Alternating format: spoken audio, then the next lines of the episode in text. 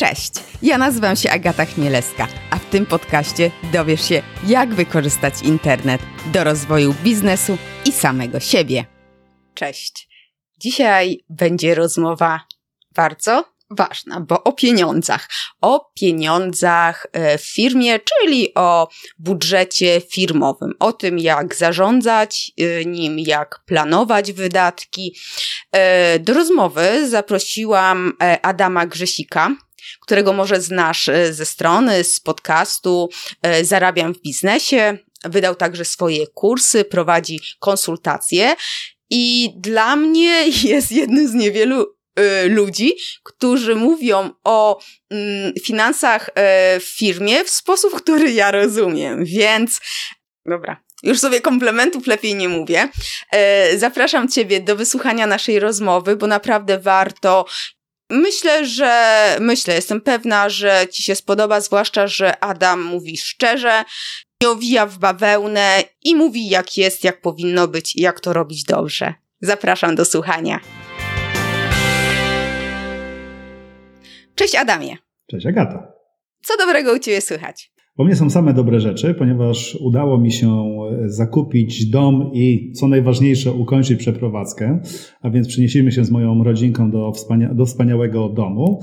Druga bardzo dobra rzecz, która się u mnie wydarzyła, to e, przechorowaliśmy prawie że bezobjawowo e, COVID, więc tak naprawdę komfort życia, kiedy człowiek ma świadomość, że niewiele już mu grozi, jest dużo, dużo mm, lepszy. No i trzecia taka bardzo fajna rzecz, to pomimo tego, że rzeczywiście w moich firmach typu salon kosmetyczny, firma szkoleniowa i handel nieruchomościami trochę niższe są przychody niż rok temu, to dochodowo, czyli zysko, jeśli chodzi o zyski, ten rok skończył się najlepiej z całej mojej historii, więc takie trzy z mojej, mojego perspektywy y, dosyć dobre rzeczy, optymistyczne się wydarzyły.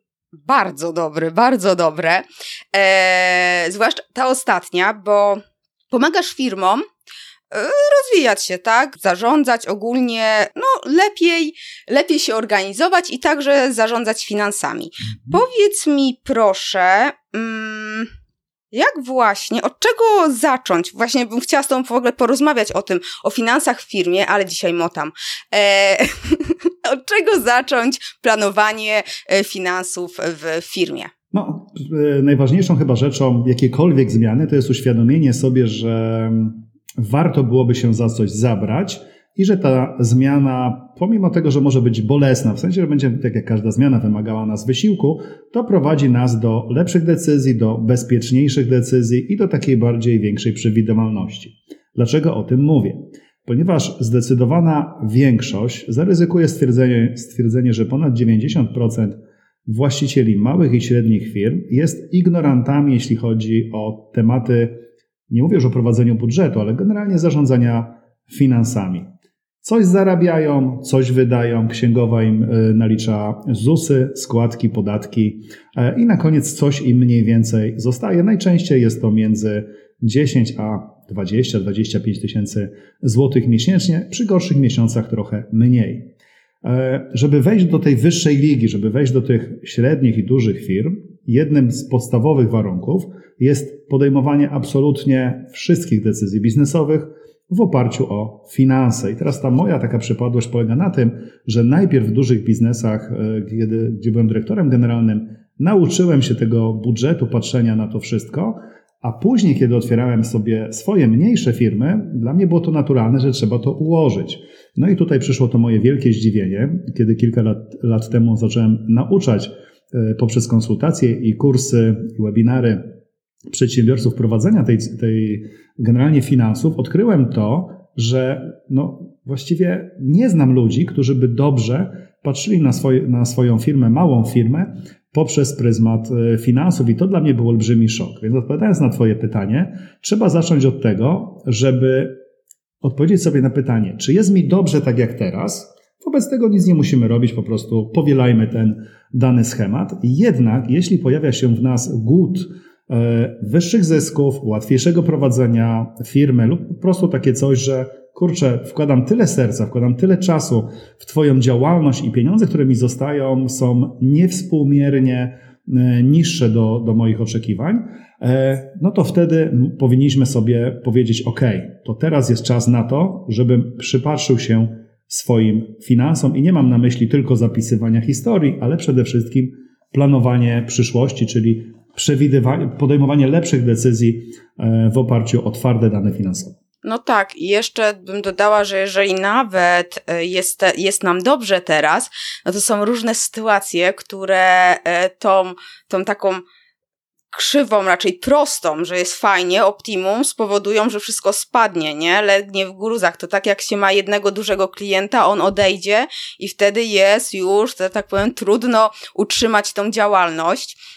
No dobrze, mówisz, że e, tutaj to leży w firmach zazwyczaj, w ogóle źle to robią, a czy jest w ogóle, tak z Twojego doświadczenia, jak widzisz, jest otwartość na, na zajmowanie się tym? Bo jednak finanse to jest taki temat, że -hmm. ludzie się boją tego, nawet spojrzeć czasem, ja czasem się boję spojrzeć na konto swoje, y, czy tam w ogóle jeszcze, znaczy jest zwykle, tak? Ale, ale wiesz, jest coś takiego, że, że te finanse to jest taki trudny i wydaje się też być takim trudnym, nie do ogarnięcia tematem. Generalnie pieniądze zawsze wzbudzają emocje i najczęściej są problemem. Jak ich nie mamy, to to jest duży problem, bo musimy skądś pożyczyć. Jak ich z kolei mamy nadmiar, to też się zastanawiamy, co z nimi zrobić, żeby one były bezpiecznie, gdzie je, e, gdzie je ulokować.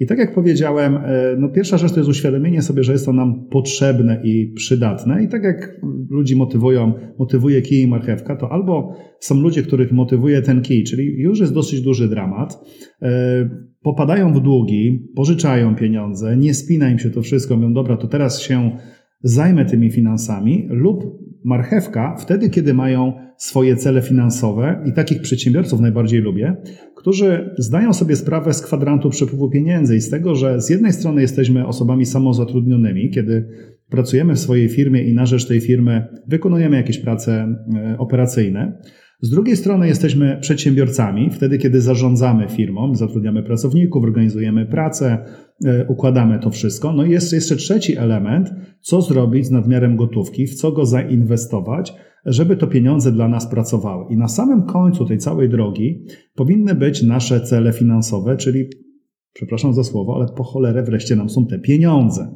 E, lubię rozmawiać z ludźmi, którzy prowadzą firmę, rozumieją, że firma jest po to, aby zarabiać pieniądze, chcą uczciwie wynagradzać e, swoich pracowników, e, chcą mieć taką ofertę, aby ona również była uczciwa dla swoich kontrahentów, czyli taką ofertę, kiedy sami by zapłacili te pieniądze i zdają sobie sprawę, że za swoją ciężką pracę i co najważniejsze odpowiedzialność też powinni zostać wynagradzani. Kiedy oni sobie już to uzmysłowią, to wtedy pojawia się przestrzeń do rozmowy, ok, więc ja Ci pomogę układać te pieniądze w Twojej firmie, tak, żeby rzeczywiście pojawiły się zyski, ale tu się pojawia drugi problem. Wiele osób nie ma głodu tych pieniędzy, więc mówię, dobrze, to teraz znajdźmy cel dla pieniędzy. Popatrzmy, jak wygląda Twoje życie osobiste.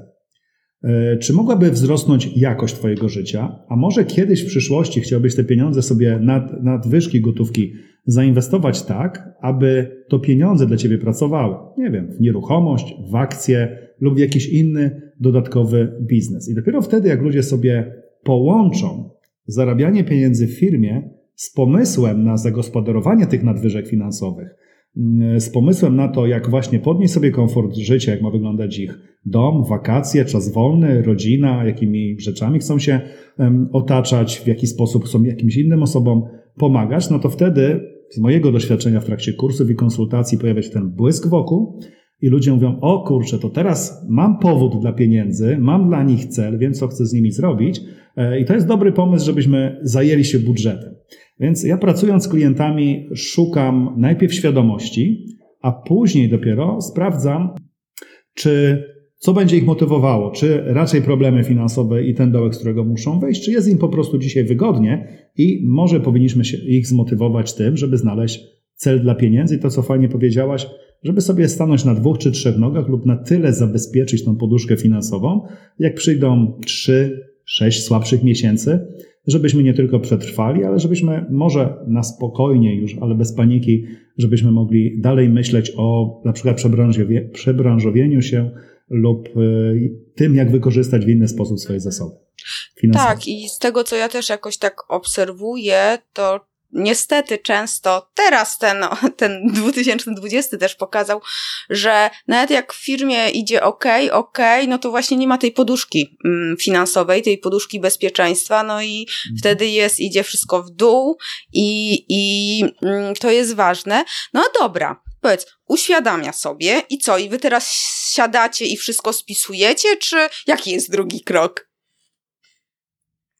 No drugi krok to już jest właśnie przelanie tego wszystkiego na papier. To jest bardzo prosta analogia. To tak jak mm, postanawiamy sobie pójść na trening personalny i myślimy, że będziemy ćwiczyć, a tutaj ten trener personalny mówi, nie, poczekaj, najpierw chodzisz na taką specjalną wagę, sprawimy ile masz tam tłuszczu, wody i w ogóle twoje parametry, później porobisz trochę ćwiczeń fizycznych, przejdziesz przez ścieżkę zdrowia, sprawdzimy twoją wydolność, e, i dopiero wtedy ułożymy ten plan działania. Ja bardzo podobnie pracuję z moimi klientami, czy to są kursy online, czy stacjonarne, czy konsultacje, to najpierw siadamy i zaczynamy od czegoś, co się nazywa policzeniem wartości majątku netto firmy.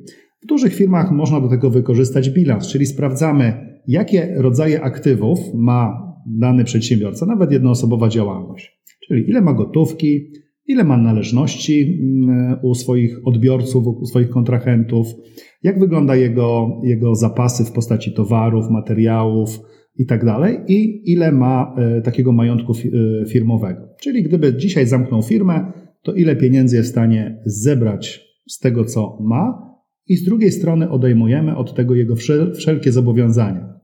Wynagrodzenia, podatki, kredyty, które musi spłacić. I to podstawowe zestawienie pozwala nam pokazać, po pierwsze, w jakiej kondycji finansowej jest firma, tam się wykonuje kilka działań matematycznych typu mnożenie, dzielenie i kilka parametrów nam pokazuje, e, jest w stanie ocenić, czy dla tej firmy jeszcze jest szansa, czy już jest, e, czy już jest trochę gorzej. Kiedy już to mamy zrobione, rozmawiamy, rozmawiam sobie z e, właścicielem firmy o jego modelu biznesowym, czyli na czym on tak naprawdę zarabia, skąd te pieniądze do niego płyną. I to jest moment, tak jak czymś, to jest ta różnica, czym się różni dyrektor finansowy od księgowego. Księgowy ma zaksięgować faktury. Dyrektor finansowy musi rozumieć filozofię firmy, na czym zarabiasz, co, jakie aktywności robisz, w związku z tym, z kim współpracujesz, jakich narzędzi używasz, e, jak wygląda Twoja struktura tych wszystkich wydatków. Jak już się dowiemy, jak wygląda model biznesowy, mniej więcej, a czy jest tam sezonowość i tak dalej, e, to wtedy sobie siadamy do tego, znaczy już klient wtedy mówi, co by chciał zrobić, ale najczęściej tworzymy taki arkusz, który się nazywa zarządczym rachunkiem wyników. W odróżnieniu od rzeczy księgowych, on pozwala dużo lepiej podejmować decyzje zarządcze, czyli układamy sobie go na, do przodu, minimum na kwartał, optymalnie na nadchodzący rok, sprawdzając z jakim wynikiem finansowym, czyli z jakim zyskiem lub stratą ten rok się skończy. Kiedy już mamy to zrobione, to kolejnym krokiem, czwartym, jest zabranie się za optymalizację. Na końcu jest cyfra, która nam się wypłata, powiedzmy, mhm. nasza, tak, w takiej nomenklaturze dla małego biznesu, które nam się nie bardzo podoba, mamy większe oczekiwania. No i wtedy pokazuje, co można zrobić, żeby na dzisiaj zoptymalizować to. I to nie jest tylko zmniejszanie kosztów, ale raczej zarządzanie procesami wewnątrz firmy, czyli ograniczanie czasu pracy ludzi. E, I na samym końcu pokazuje, jak pracować z budżetem, jak dobrać parametry. Po tej takiej rozważaniach teoretyczno-praktycznych i wyliczeniach zaczyna się prawdziwa praca z budżetem, czyli to, żeby sobie przynajmniej raz w tygodniu usiąść do cyferek i sprawdzić swoje parametry, ale cały czas patrząc w przyszłość i przewidując przyszłość, a nie e, analizując paragony czy faktury, które e, wzięliśmy, bo większość ludzi analizuje przeszłość i to jest największy błąd, błąd przedsiębiorców, którzy archiwizują sobie właśnie paragony, faktury. To wszystko jest u księgowej, więc trzeba wyciągnąć pomysły i wnioski na przyszłość. Okej, okay, a co jak w tym ta ostatnia cyfra, która może się nie podobać, bo jest za niska jako wypłata, jest ujemna, mm -hmm. bo też tak może być, prawda? Żyje się po prostu na, na, e, na granicy, to co wtedy jest w ogóle jakiś ratunek? Oczywiście, że jest rachunek. Po pierwsze, kiedy zrobi się dobry budżet i ludzie mają dobry model biznesowy, to znaczy w przyszłości powiedzmy będą pieniądze albo, albo mogą być pieniądze, tutaj, to wtedy można się e, odpowiedzieć sobie na pytanie, czy jest sens w ogóle pożyczyć pieniądze od kogoś. E, nie wiem, takim najprostszym przykładem jest e, firma deweloperska. Ja mam taką jedną firmę deweloperską, jestem udziałowcem i w tej firmie, powiedzmy deweloperskiej, przez cały rok są straty. No bo w końcu cały czas, patrząc sobie na budżet, inwestujemy w budowę, czyli najczęściej są to pożyczane pieniądze. Czasem jeszcze trzeba te odsetki od pożyczonych pieniędzy dużo wyższe niż bankowe dodać do tego, a zyski pojawiają się dopiero w ostatnim miesiącu, wtedy kiedy jest przenoszona własność na nowych najemców, których jeszcze trzeba sobie e, znaleźć. Więc to jest taki jeden, jedna z rzeczy, która pozwala przewidzieć nam, ile będziemy potrzebować pieniędzy, jak e, będzie wyglądała ta cała struktura wydatków, ale wierzymy, że nasz model biznesowy na końcu, za kwartał, za pół roku, za rok, za dwa czy za trzy, będzie dla siebie zarabiał. To jest pierwsza rzecz. Druga rzecz jest taka, kiedy, znaczy druga, troszeczkę inna rzecz jest taka, kiedy jest przedsiębiorca, który co miesiąc właściwie zarabiał, ewentualnie mm, wiązał jakoś tam koniec z końcem, ale nagle sytuacja ta pandemiczna czy jakaś inna, yy, okoliczności rynkowe wydarzyły się takie, że on no, przestał zarabiać. Czyli jego model biznesowy nie był tak zaprojektowany, że w przyszłości zarobi, tylko nagle zaczął tracić pieniądze. Wtedy sobie siadamy i zastanawiamy się, czy dalej się trzeba trzymać tego swojego modelu biznesowego, czy może go jakoś zmienić, może wprowadzić korekty.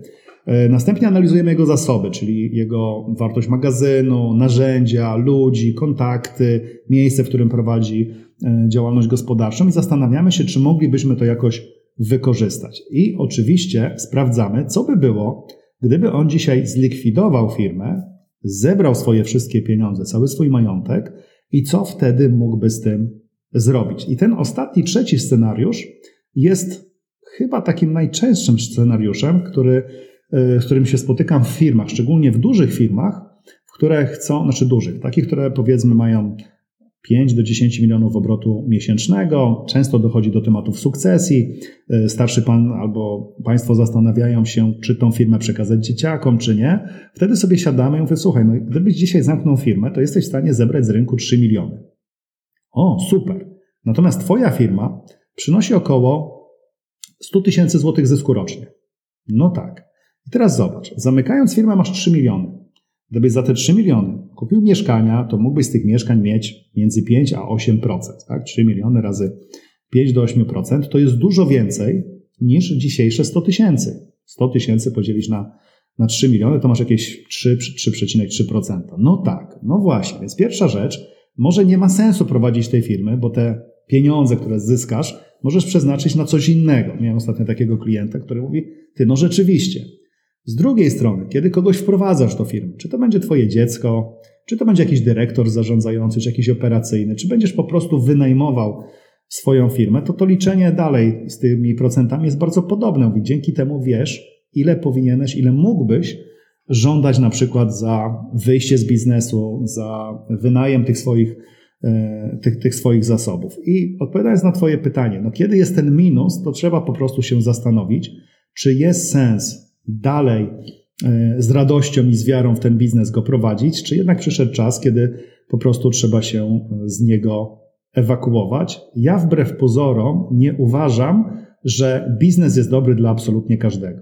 Jeśli ktoś jest dobrym fachowcem, ktoś jest bardzo dobrym specjalistą, e, takim samozatrudnionym, to może warto po prostu otworzyć działalność e, i być tym samozatrudnionym albo iść do kogoś na etat, bo ktoś inny, czyli biznesmen, zorganizuje mu pracę i ja sobie zarobię te, nie wiem, 7, 8, 10 tysięcy złotych miesięcznie, robiąc to, co kocham, a nie zajmując się organizacją pracy ludzi. To są takie rozmowy, kiedy po prostu trzeba trochę coachingowo zadać sobie pytanie, co ta osoba lubi. Czy ona jest, lubi zarządzać, układać biznes, czy raczej jest takim wyrobnikiem, osobą, która e, no, lubi po prostu fizycznie gdzieś tam pracować, nie prowadzić swój kiosk, tworzyć strony internetowe, czy po prostu być malarzem, czy jakimś budowlańcem. Tak? Tak, tak, tak. Tak, nawet e, z Michałem Szafrańskim rozmawiałam o tym, e, który ma doświadczenie w korporacjach, no i z swoją firmą jednoosobową, odniósł sukces. Nie każdy właśnie się nadaje do tego, żeby prowadzić firmę i zarządzać ludźmi. To jest takie najtrudniejsze i ja się przekonałam, że ja nie, nie, nie, nie, nie, nie. A właśnie trochę mm, nawiązując do tej, tej, też do jednoosobowej działalności gospodarczej, trochę do freelancerów, ale nie tylko. Są biznesy i, i myślę, że jest ich wiele, gdzie trudno jest przewidzieć te wpływy. No nie? I mm, jak do tego podejść? Bo, bo u mnie na przykład to jest tak, że okej, okay, mam stałych klientów i to się fajnie kręci, ale wpadają nowe rzeczy, jakieś zlecenia, coś nowego i mi jest trudno tak przewidzieć, zwłaszcza szacować, co no nie, no nie umiem. Jak, jak sobie z tym poradzić? E, znaczy tak, przede wszystkim sobie zawsze trzeba patrzeć na to, jaką działalność prowadzimy. Jeżeli jesteśmy tym freelancerem, czyli na przykład jesteśmy robotnikiem budowlanym, malarz, tapicer, złota rączka i jesteśmy na tyle dobrzy, że żyjemy zawsze z poleceń, to jesteśmy to w stanie na tyle przewidzieć, że widzimy, jak mamy zapełniony kalendarz do przodu.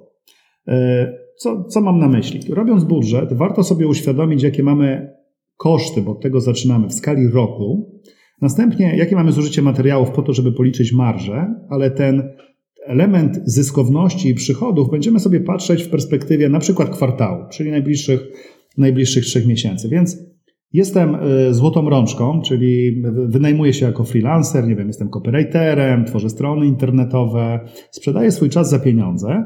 Patrząc na obłożenie mojego kalendarza, kiedy, nie wiem, powiedzmy kończą, widzę, że kończą mi się zamówienia na za dwa albo na za trzy tygodnie, no to wtedy trzeba e, skupić się bardziej na sprzedaży, e, odświeżyć kontakty i może poszukać właśnie zleceń, więc będę przewidywał to w perspektywie krótkoterminowej, a nie całego, a nie całego roku. Jeżeli idźmy dalej. Ty masz swoich klientów, ja tak samo, konsultacyjnych lub takich abonamentowych, e, z którymi się rozliczamy co miesiąc, to też mamy z nimi podpisaną umowę. Wiemy, że powiedzmy okres wypowiedzenia to jest okres miesięczny lub nie wiem, wystawiam mu dzisiaj fakturę i, i, i płaci mi ją i przez miesiąc mogę go obsługiwać. To też jestem w stanie przynajmniej jakąś część swojego biznesu, swoich przychodów kontrolować w postaci tego, ok, wiem ile na pewno zarobię, Zostaje mi trochę czasu i reszta to będzie sprzedaż albo spekulacja, czyli poszukiwanie czegoś wyso bardziej wysoko e, marżowego. Trzeci rodzaj biznesów to są biznesy, które są nudne. Mój salon kosmetyczny jest niesamowicie nudny.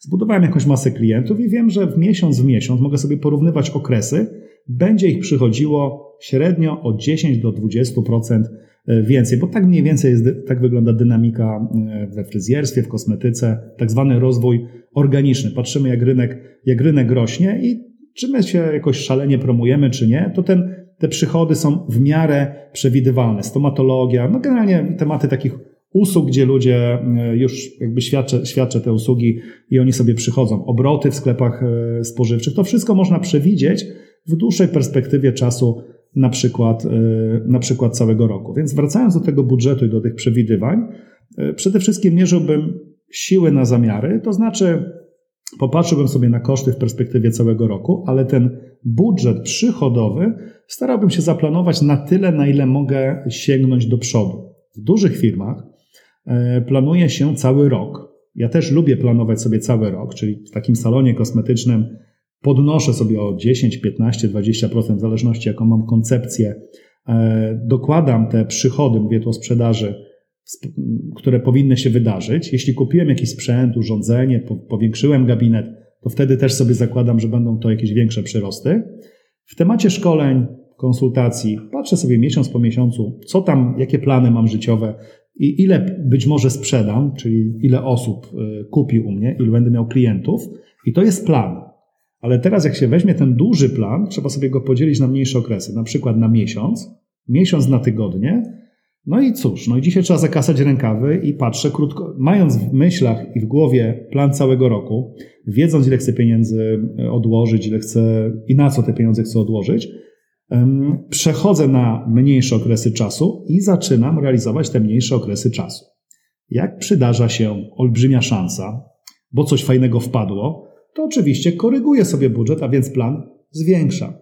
A jak mi rząd powiedział, niestety, panie Adamie, no, ze szkoleniami nici, e, z kosmetyką nici, no to cóż, patrzę sobie na budżet i niestety muszę przychód, z przychodu zrobić zero, tak jak to miało miejsce w kwietniu, czy w maju, czy w szkoleniach.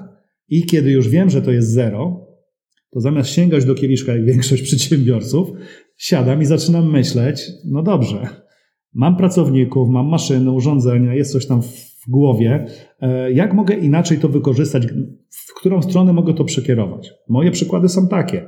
Bardzo szybko się przeniosłem do internetu. Zresztą myślę, że słuchacze Twojego podcastu otrzymają też kod rabatowy od Ciebie do odcinku, więc jest platforma VOD, która w tym momencie no, jest razy trzy w tym roku, bo ludzie dalej chcą się czegoś uczyć, rozwijać, kiedy jest ciężko, bo będą potrzebowali takiej wiedzy.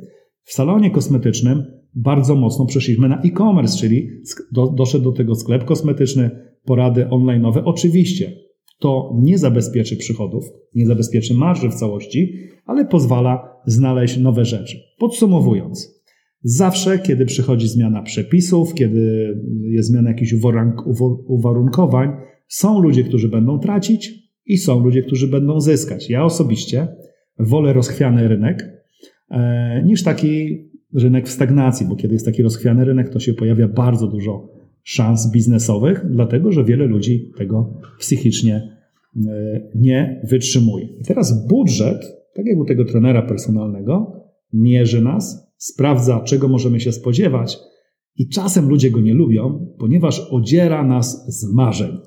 Jest taki trochę brutalny, tak? Wiesz, to jest tak jak spotykamy pracowników i mówią, ty, no ile zarabiasz? No powiem ci siódemkę. Ty, no genialnie, pokaż mi swoje wydruki z konta. Nie? No okazuje się, że on na miesiąc zarabia czwórkę, ale raz jak dostał za, wypłatę za zaległe y, urlopy, jakąś ekstra premię, to raz mu się wydarzyła ta siódemka ale taka średnia to jest, to jest piątka, nie? powiedzmy, czy, czy czwórka. I w biznesie często też jest tak, że my, przedsiębiorcy, żyją marzeniami, myślą, że tego będzie dużo, ale jak sobie popatrzysz wbrew pozorom na cały rok, na to, że jeździsz na wakacje, że czasem ma człowiek gorszy sezon, no to ta średnia jest troszeczkę niższa. Tak, tak, tak. Dokładnie. Ja, yy, tak jak mówisz o tej średniej, ja prowadziłam przez 10 lat, w sumie dalej jest, bloga kulinarnego, który naprawdę miał yy, niezłe statystyki. Chciałabym mieć takie na, na obecnym.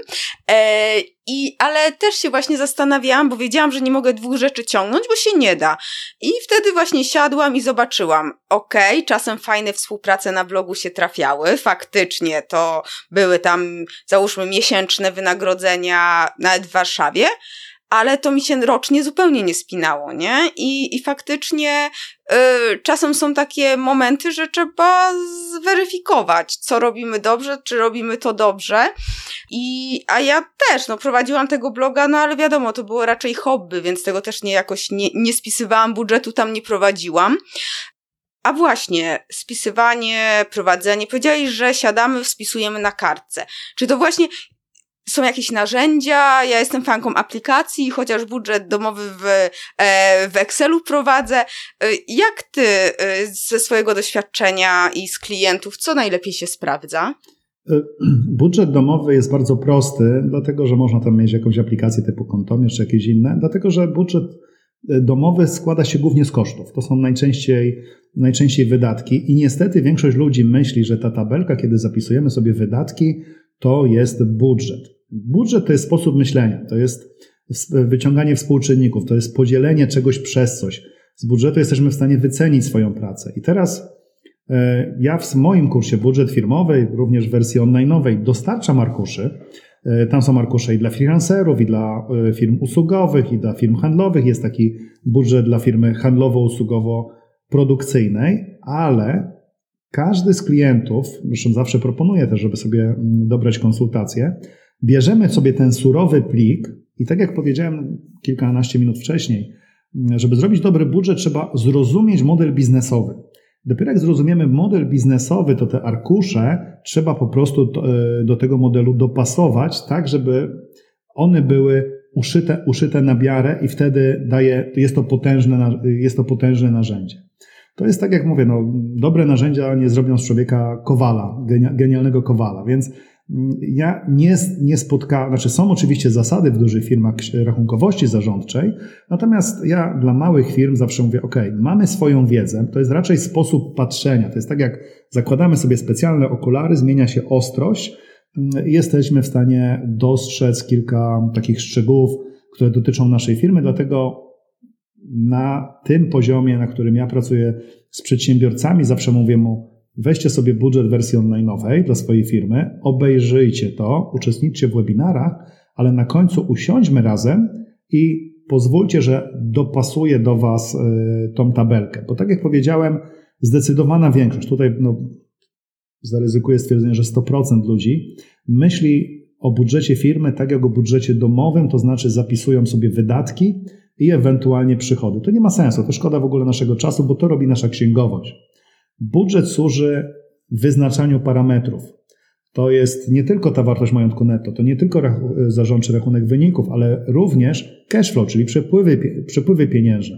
I tutaj często ludzie bardzo często, bardzo często to mylą. Dlatego e, no, tabelki mogą wyglądać na skomplikowane, tak jak wszystko, kiedy robimy, nie wiem, komuś tłumaczysz, jak zrobić stronę, albo jak robiłeś bloga kulinarnego. Jak ja bym zobaczył przepis na jakieś wymyślne danie, to bym się za głowę złapał, mówię, to jest jajko, jajko, jajecznicę wiem jak zrobić, tak? Wodę wiem jak ugotować, jestem w końcu mężczyzną, a, czy pierogi jak mam odgrzać, zrobione, nie? Ale tutaj nagle trzeba coś pomieszać, pododawać, to jest kosmos. Natomiast kiedy mnie przeprowadzisz za rękę i zrobimy razem, razem obiad, to, te, to to danie będzie moim flagowym daniem, będę się przed nimi, e, przez wszystkimi chwalił tym jedzeniem i bardzo podobnie jest z budżetem. Tu chodzi, tu nie chodzi o tabelki, tu chodzi o zrozumienie i popatrzenie na firmę taka, przez taki filtr, e, filtr cyferek. To dużo rzeczy mm, tłumaczy, upraszcza i tak jak powtórzę, dobry budżet i zrozumienie tego sprawia, że firmę prowadzi się w sposób bezpieczny, przewidywalny i co najważniejsze, możemy przetestować e, nasze pomysły. Czyli mamy jakiś pomysł, ok, wrzućmy to w tabelkę i zobaczmy, co będzie na końcu. Też prowadzi swój, swoją firmę, na końcu spodziewasz się jakiegoś e, zysku, nie wiem, przyjmijmy 100 tysięcy złotych po roku, tak? 8 tysięcy miesięcznej wypłaty, wszystko powinno być fajnie. A gdybym ci powiedział, Agata, dokonaj jednej zmiany w styczniu. Zobaczmy, co się wydarzy. Zainwestuj, nie wiem, 5 tysięcy w coś i to ta inwestycja da ci, nie wiem, 1300 zł miesięcznie. I nagle się okazuje, że ta mała zmiana, mała rzecz zrobiona tutaj na końcu yy, daje kosmiczny efekt. Może zrezygnujesz nie wiem, z 8 czy 10 godzin w miesiącu pracy tej osoby, tego pracownika, zmniejszmy etat, a zróbmy automatyzację. E, przejdźmy, nie wiem, na jakieś, na jakieś oprogramowanie. Wow! Albo trzecia rzecz, dokonaj zmiany ceny dwóch Twoich usług. Ja tak w salonie ludzie otwierają oczy, jak pokazuję 150 usług i podaję im przykład. Zobaczcie, zmieniłem dwie usługi, ceny dwóch usług i zmiany cen tych dwóch usług z pół miliona zysku na końcu dały mi 580 tysięcy, czyli 80 tysięcy, zmieniając dwie ceny nie, nieznacznie dwóch usług z całego roku. Mała, drobna zmiana zrobiona na początku daje kosmiczną zmianę e, na końcu. To przypomina mi się taka opowieść, wiem, że ludzie lubią, jak słuchają podcastów, takiej opowieści, którą kiedyś opowiadał e, Tony Robbins, kiedy był z tym. Ze swoim trenerem grali w golfa i on tak walił w tą kijem w tą piłeczkę, ona tak lądowała kilkadziesiąt metrów od tego dołka, wściekał się, łamał te kije, trener mówi, Tony, bądź spokojny, brakuje ci tylko takiego milimetra. Mówi, jakiego milimetra? To są dziesiątki metrów. Mówi, nie, jeden milimetr na piłeczce musisz przesunąć kij, a na końcu będzie dobrze. I to jest właśnie taka dla mnie dosyć duża metafora e, w budżecie, że na początku ludzie mówią, o Jezu, jakie to jest trudne, ale później mówią, ty, podoba mi się to. Okay, zaczynają liczyć swoje pieniądze. Ja podsumuję te słowa może e, tym, co dostałem kiedyś podczas konsultacji u Pawła Tkaczyka. Zresztą każdemu z Was polecam konsultację u Pawła, e, bo to wtedy ze mną wyciągnął i tak powiedział, to mi, patrząc mi w oczy, mówi Adam, to jakby nie ma większego znaczenia, e, czy ktoś lubi budżet, czy nie lubi. Jeśli prowadzisz firmę, to i tak musisz przez to przejść. Tak. Tak, tak, tak, to jest prawda. Ale też podkreślałeś często, że właśnie e, budżet, no to jest takie zmiana troszeczkę sposobu myślenia, tak? To nie jest zapisywanie tylko wydatków, ale to jest chyba trudne, bo okej, okay, dzisiaj jesteśmy tutaj zmotywowani, będziemy to liczyć, fajnie zobaczyliśmy, że, że mm, że to się da, że to nie jest takie trudne, ale jednak później przychodzi codzienność i znowu wchodzimy w wir pracy i przychodzi taka rutyna, takie to już dobra, to jutro, to jutro odsuwamy. I, i powiedz mi, czy mm, właśnie są, masz jakieś takie doświadczenia, żeby, żeby samemu się zmotywować do tego. Ja wiem, że najlepsza to jest właśnie motywacja, że, że no po prostu nie, najlepiej po prostu siadać i robić, tak? To jest najlepsza motywacja, ale trudno jest nam się zmienić i czy masz jakieś na to sposoby, czy po prostu, no, pff, e, robić. Okej. Okay. Zawsze proponuję ludziom, żeby sobie wypisali na kartce rzeczy, z których korzystają. Czyli żeby sobie zrobić swój budżet taki domowy i mówię, dobrze, za ile kupujesz jedzenia? Za ile y, się stołujesz w hotelach, barach, restauracjach? Ile wydajesz na podróże dzisiaj? Ile wydajesz na utrzymanie swojego mieszkania, domu, tutaj, żeby sobie zrobić swój budżet domowy. żeby znaleźć tą kwotę. To najczęściej, przynajmniej wśród przedsiębiorców, ta kwota oscyluje w granicach 7 tysięcy złotych miesięcznych wydatków. Oczywiście, jak ktoś pracuje na etacie, to może to być mniej, ale w przypadku przedsiębiorców, którzy trafiają do mnie na salę, jest to powiedzmy, większość ludzi mówi 7 tysięcy, niektórzy dojeżdżają do dychy. Ok. Mówię, czy uważasz, że zasługujesz na coś więcej? No pewnie, dobrze. To gdybyś mógł się przenieść w czasie, za rok od dzisiaj, i gdybyś mógł sobie zafundować dużo lepsze życie, dom zamiast mieszkania, lepszy samochód, więcej pasji, więcej czasu dla rodziny, częstsze wyjazdy na wakacje, to zapisz sobie to, pamiętając o tym, że nawet e, cudowny jacht, na którym będziesz spożywał swoje posiłki, możesz wyleasingować, więc to nie musi być kwota iluś milionów złotych, to może być po prostu rata leasingowa, skoro prowadzisz e, firmę czy rata kredytu. No dobrze, zapisuję sobie. Tutaj większość ludzi dojeżdża do 20, 25, nieraz 30 tysięcy złotych miesięcznie. Mówię, dobra, teraz Chciałbym, żebyś ten obraz napakował naprawdę, znaczy, żebyś tą kwotę napakował obrazami. Chcę, żebyś zobaczył siebie w tym domu, żebyś zobaczył, jak wygląda Twoje życie, żebyś podoświadczał tego wszystkiego. Okej, okay, no to już to mam. No jeszcze, jeśli, już ktoś ma ten etap za sobą, to możemy jeszcze dalej sobie porobić filozofię typu, ile potrzebujesz mieć milionów złotych, żeby to pieniądze dla Ciebie pracowały, czyli ten kwadrat inwestycyjny. Ale zostańmy na tym etapie. I mówię, słuchaj, jeżeli zgodzisz się, żebyśmy usiedli razem na dwa dni, tak żeby to rozłożyć w czasie, żeby to tak nie, nie, nie zabiło człowieka. Dzisiaj trochę, jutro trochę, porobisz online'a, jutro sobie się spotkamy na konsultacjach, albo przyjeźdź na budżet firmowy na dwudniowe warsztaty i wyznaczę Ci drogę i pokażę Ci, że możesz za rok od dzisiaj żyć dokładnie takim życiem, prowadząc dalej swoją firmę, tylko troszeczkę inaczej trzymając się pewnej, pewnej dyscypliny, to czy to będzie warto. Więc jest taka motywacja poprzez, e, poprzez marchewkę. I to najczęściej e, ludziom wystarcza. Czasem podaję przykłady z mojego życia i pokazuję, co się fajnego może pozmieniać, kiedy wyznaczymy cele. Tu znowu schodzimy z cyferek na Briana Tracy, wyznaczenie celów. Większość ludzi nie dostaje tego, czego chce, ponieważ nie wie, czego chce, e, a nawet jeśli wiedzą, to się boją i, i, i kiedy sobie zadadzą pytanie, ale jak to zrobić, niegodny jestem tego, to mówią, nie, nie, to jednak wracam do tych swoich ustawień. Więc taką pierwszą rzeczą, żeby się zmotywować do tego, to jest zadanie, bo pieniądze to jest narzędzie. Jakby, jak ja przychodzę do pracowników, miałbym dziewczynom, z dziewczynami w, w salonie rozmawiać, wiesz, tutaj mogłabyś zarobić 500 zł więcej. To nie ma sensu. Muszę poznać ich pasję, ich zainteresowania. Jak się dowiem, że jedna kocha podróże, druga chce e, się przeprowadzić do miasta, do Opola, trzecia chce kupić dom albo e, zrobić sobie prezent, to mówię, dobra, to zrób to i to i właśnie i nie rozmawiamy o pieniądzach, tylko rozmawiamy o marzeniach.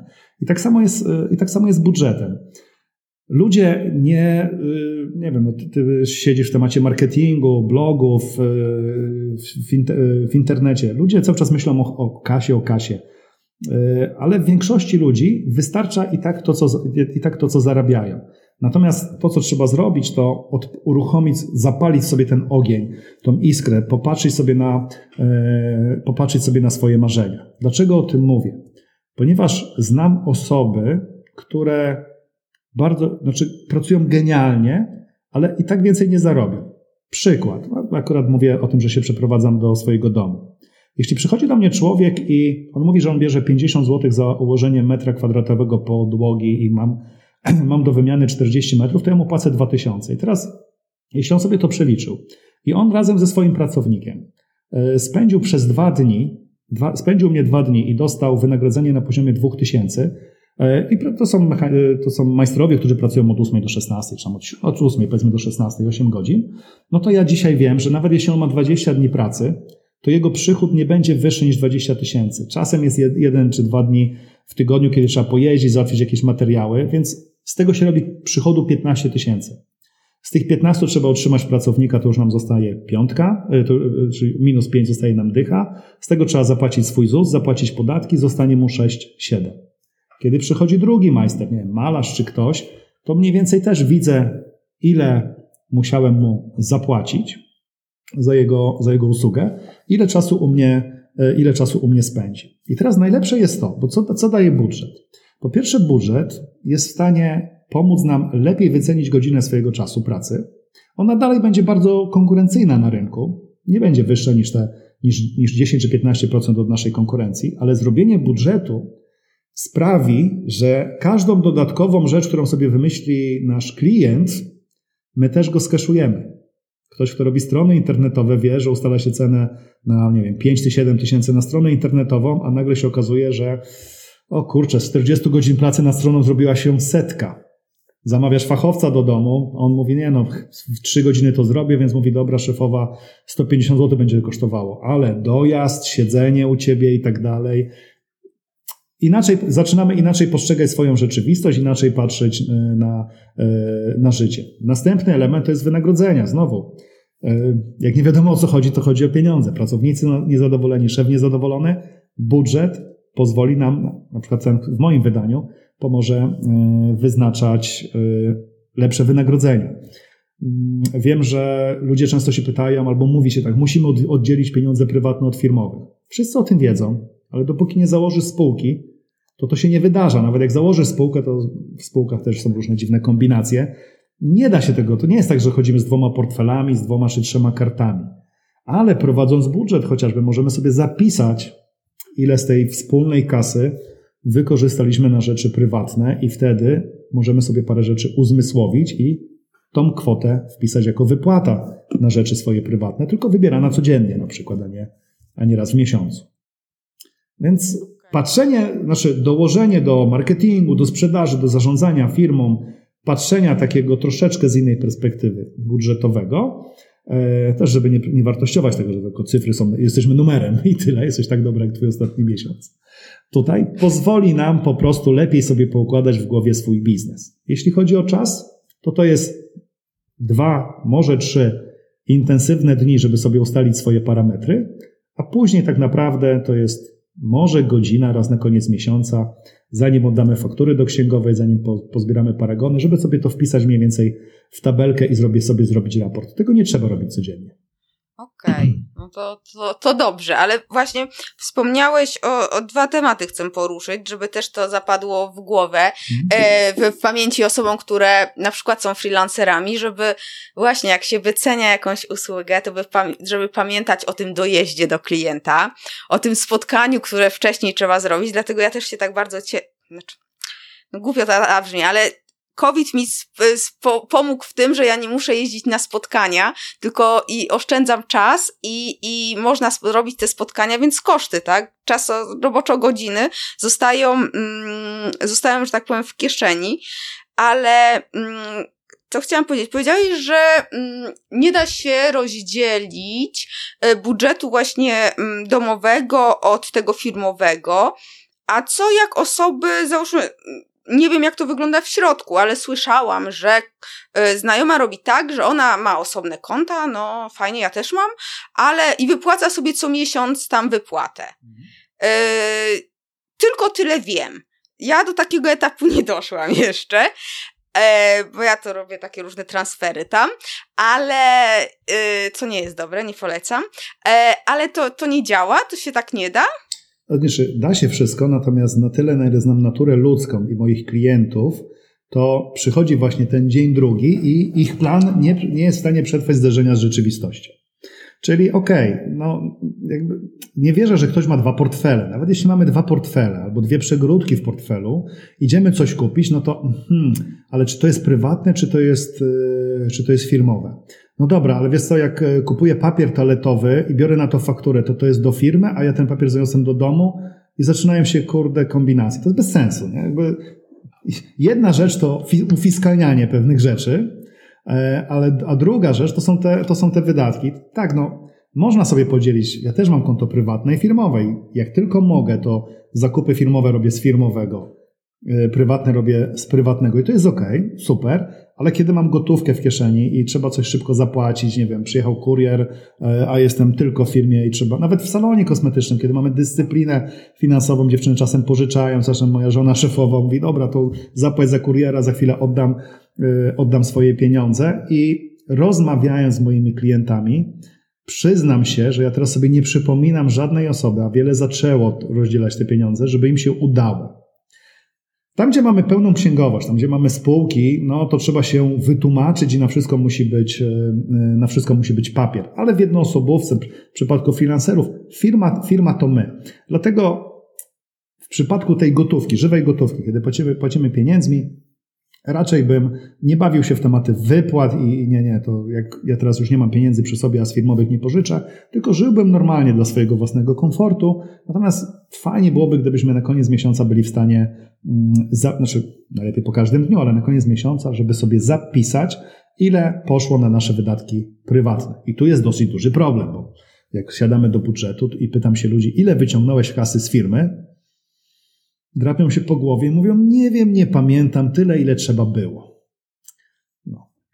Przy czym ja też rozróżniam freelancerów. Nie uważam, że to są przedsiębiorcy. Znaczy, mają przedsiębiorcze myślenie, ale przedsiębiorca dla mnie to jest osoba, która jednak zatrudnia ludzi e, i organizuje ich pracę. W momencie, e, tak jak w kwadrancie przypływu pieniędzy, w momencie, jak sam wchodzę i sam jestem wyrobnikiem e, tutaj, no to wtedy jestem osobą samo, samozatrudnioną. Jeśli, nie wiem, pracujemy na wysokich marżach. Nie wiem, moja godzina powiedzmy kosztuje kilkaset złotych konsultacji, a gdybym był właśnie robotnikiem, na przykład na budowie, to moja godzina, gdybym wystawiał faktury, pewnie by kosztowała 50 złotych, bo miałbym dosyć dużą konkurencję i łatwo przeliczyć te rzeczy, bo to nie jest praca koncepcyjna, tylko taka po prostu, po prostu praca fizyczna. Więc są freelancerzy, którzy i tak się muszą złapać w widełkach 50, 60, 80 złotych ich robocza godzina, a są osoby, które mogą sobie pozwolić na więcej, no ale wtedy rzadziej, jakby nie mają takiego e, psychologowie, trenerzy personalni, tam się wtedy płaci lekarze 150, to są freelancerzy, nie?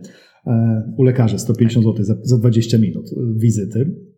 No powiedzmy płacisz, fajna, fajna, fajna, fajna, stawka. Więc z tej perspektywy uważam, że większość osób ma dosyć duży problem, żeby sobie te rzeczy porozdzielać, dlatego że często firm, firma to my. Cały czas pamiętajmy o tym, że mierzmy siły na zamiary. Jeśli ktoś jest, kto nas słucha, jest freelancerem, nie zatrudnia żadnych ludzi, to tak naprawdę, no, ja nawet nagrałem specjalny budżet dla freelancerów, y, żeby im za dużo nie mieszać, to raczej jesteś normalnym pracownikiem, tylko część w tym budżecie y, możesz mieć wyższe trochę przychody i tam dołożysz sobie powiedzmy ZUS i podatki. Natomiast taki normalny budżet z tymi wszystkimi wyliczeniami warto zacząć sobie robić wtedy, kiedy planujemy lub już zaczynamy zatrudniać pracowników, nieważne w jakiej formie, czy to będzie umowa cywilnoprawna, czy to będzie e, zlecenie, czy to będzie umowa, czy to będzie umowa o pracę e, tutaj, to wtedy warto już sobie zrobić budżet, kiedy pojawia się majątek firmy, jakieś materiały, towary w naszej firmie, zaczynają się poważniejsze przepływy, to wtedy warto sobie zrobić budżet, taki typowy firmowy. Okej. Okay. No ale zobacz, tak jak, no ja mogę być takim case'em, no bo ja nie jestem przedsiębiorczą osobą, absolutnie nie, ja jestem freelancerem, też nie chcę zatrudniać ludzi, więc y, myślę, że tutaj do, do mojego pytania będę świetnym przykładem. Ale jeżeli ja, e, wiesz, no okej, okay, coś mam, przydałaby się reklama w internecie i taka mentalność, że ja mam to wydać ze swoich pieniędzy, to już jest trudniej, prawda? Mhm. A gdyby tak właśnie rozdzielenie tego, czy to, to jest moja po prostu wizja taka piękna i się tak nie da, ale rozdzielenie tego na taką kubkę, okej, okay, to tutaj mm, wypłata będzie taka dla mnie, a to jest do rozdysponowania na, e, na jakieś koszty właśnie firmowe i tutaj mogę marketing w to wdrożyć. Czy znaczy, wiesz, to, to tak zadziała? To, to, tak jak w domu, tak? Nie wiem, masz dzieciaka i wiesz, że nie wiem, 2000 na, na to dziecko wydacie wspólnie e, co miesiąc. Jeszcze nie wiesz na co. Znaczy, może, może wiesz, że tam, nie wiem, szkoła czy jakieś zajęcia e, to będzie 400 zł, jakieś tam konto fundusz inwestycyjny 500 zł, ale reszta, no to nie wiem, jakieś ciuszka mu kupię czy coś. I wpisuję sobie to w budżet. I kiedy prowadzisz biznes, jesteś freelancerem, to ten budżet będzie bardzo podobny do budżetu domowego. Mówię o tym w takim kontekście, że przy freelancerach on głównie będzie się skupiał na kosztach, czyli w tym przypadku, ok, na marketing będę co miesiąc wydawała 1000 zł, albo no, wydam 5% od moich przychodów. No ale teraz patrzymy na przychody, no kurczę, no, no mniej więcej to przychody wynoszą 15 do 20 miesięcznie. Aha, no to i tak jest 1000 e, czy 1200. No i wpisuję sobie 1000 czy 1200. W momencie, jak sobie zapiszę po stronie, tak jak w budżecie domowym, po stronie wydatków, e, w tym, u siebie w budżecie e, ten, ten wydatek, no to mentalnie sobie trzeba na to popatrzeć i powiedzieć, ok, wiem, że tyle będę musiała wydać. Kupię sobie konsultację u Agaty, u Grzesika czy u kogoś innego, ok, to sobie wpisuję, że tyle, że tyle, sobie, wy, że to, tyle sobie wydam. To to są same wydatki, czyli w tym kontekście budżet freelancera jest bardzo podobny do budżetu domowego. Czyli wiem, że muszę tyle wydać. Tyle mi kosztuje wynajem mieszkania, czy domu, tyle mi kosztują czynsze, tyle kosztują mnie leki, ubezpieczenia, samochody mnie kosztują i wpisuję to w budżet. Sporo ludzi ma taki dylemat, mówi, kurczę, nie zostało za dużo pieniędzy, więc będę obcinać hajs właśnie na ten marketing i reklamę. No ja mam tak ułożone pliki, że pokazuje mm, ważność tego, z czego powinniśmy obcinać, co powinniśmy obcinać. Akurat marketing, reklama i sprzedaż to jest ostatnia rzecz, z której rezygnujemy. Najpierw jest to administracja. I teraz w postaci przychodów, kiedy ktoś jest na etacie, to przychodem jest jego wypłata.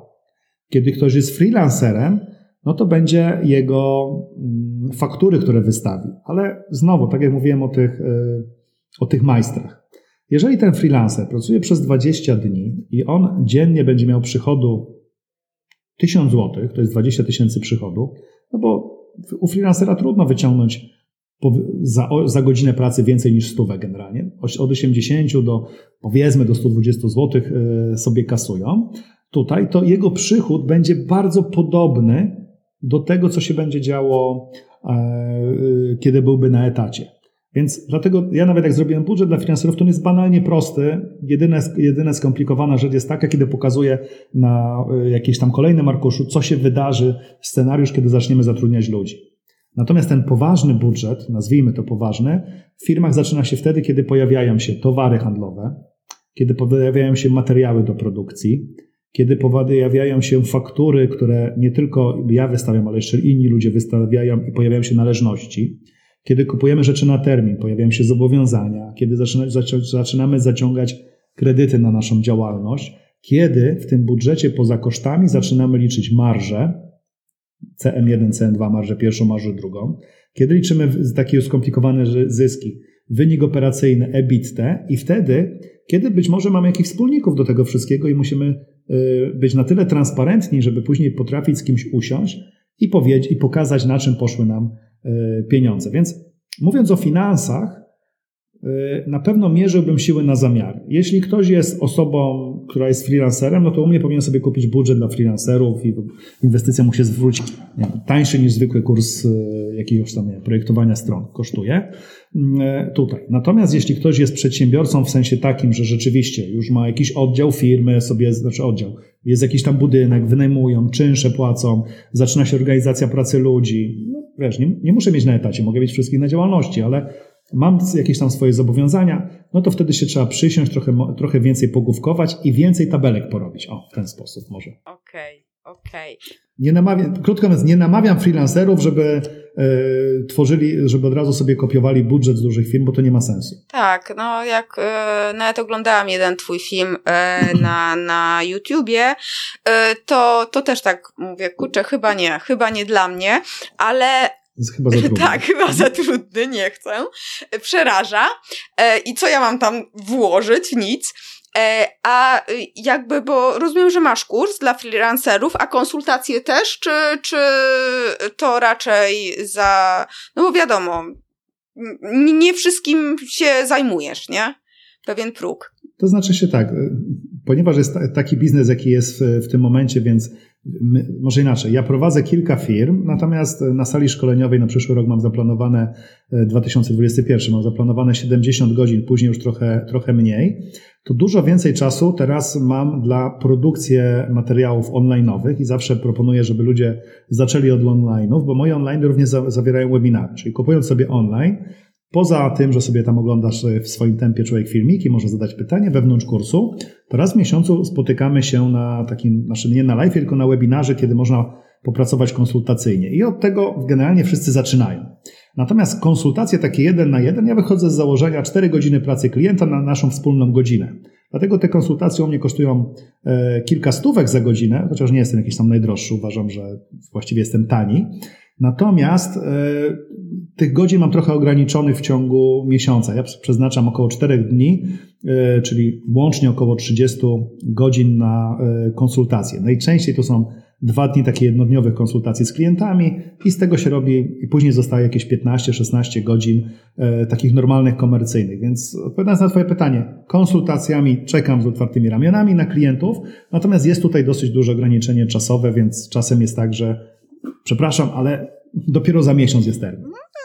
To dobrze świadczy, tak, że się kręci, więc to jest, wiesz, to jest dobry marketing, o tak o, powiem ci, że, że e, to jest mhm. dobra rekomendacja.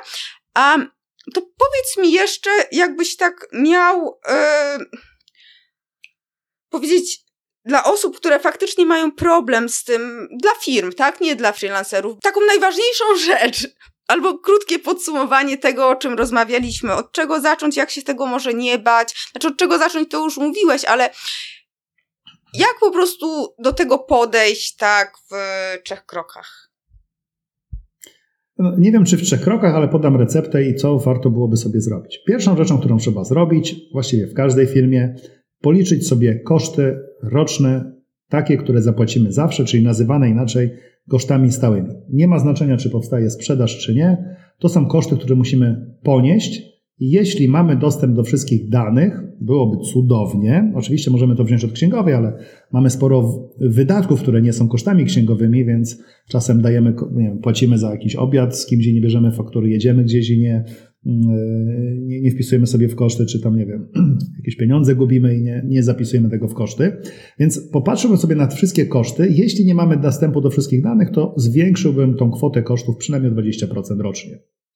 Chodzi o to, żeby sobie uchwycić. Następnie podzielmy to na miesiące, bo często ludzie mówią, ja tam mam 10 tysięcy kosztów miesięcznych, ale jak sobie podzielą 150 rocznych na 12, to to będzie więcej niż 10 e, tysięcy. O kurczę, nie zdawałem sobie sprawy. Więc są takie rzeczy, abonamenty za coś, licencje, ubezpieczenia, jakieś dziwne opłaty, mandaty, koncesje i tak dalej.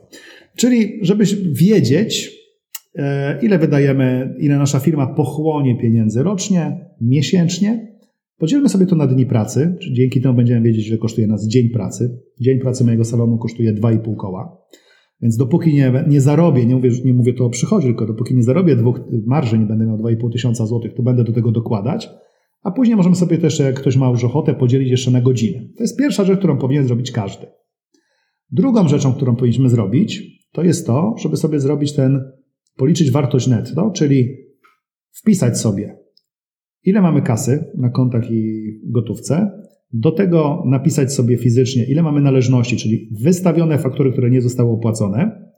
Trzecia rzecz, ile mamy zapasów magazynowych, towary, materiały, rzeczy, które sobie kupowaliśmy w cenach zakupu. I ostatnia rzecz, czy mamy jakiś majątek firmowy, który zamykając firmę byśmy sprzedali. Tutaj bierzemy sobie kwot, wartość rynkową. Tylko to, co byśmy sprzedali. Nie tam, nie, nie wszystkie rzeczy, tylko kil, kilka rzeczy, które mielibyśmy. Czyli to są te nasze, to są nasze aktywa, na których robimy biznes.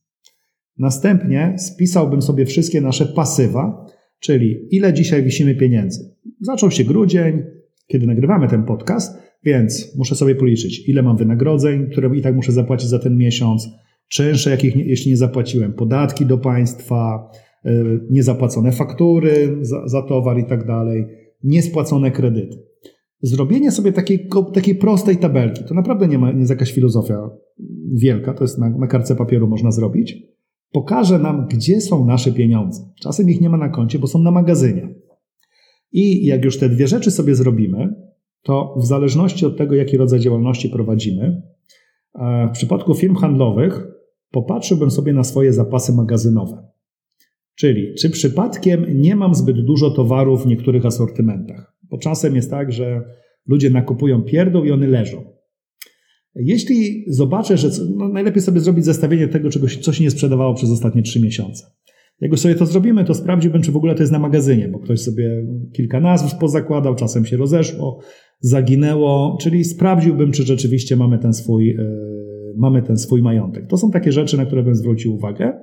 I ostatnia rzecz, zastanowiłbym się, ile będę potrzebować pieniędzy co miesiąc na wynagrodzenia.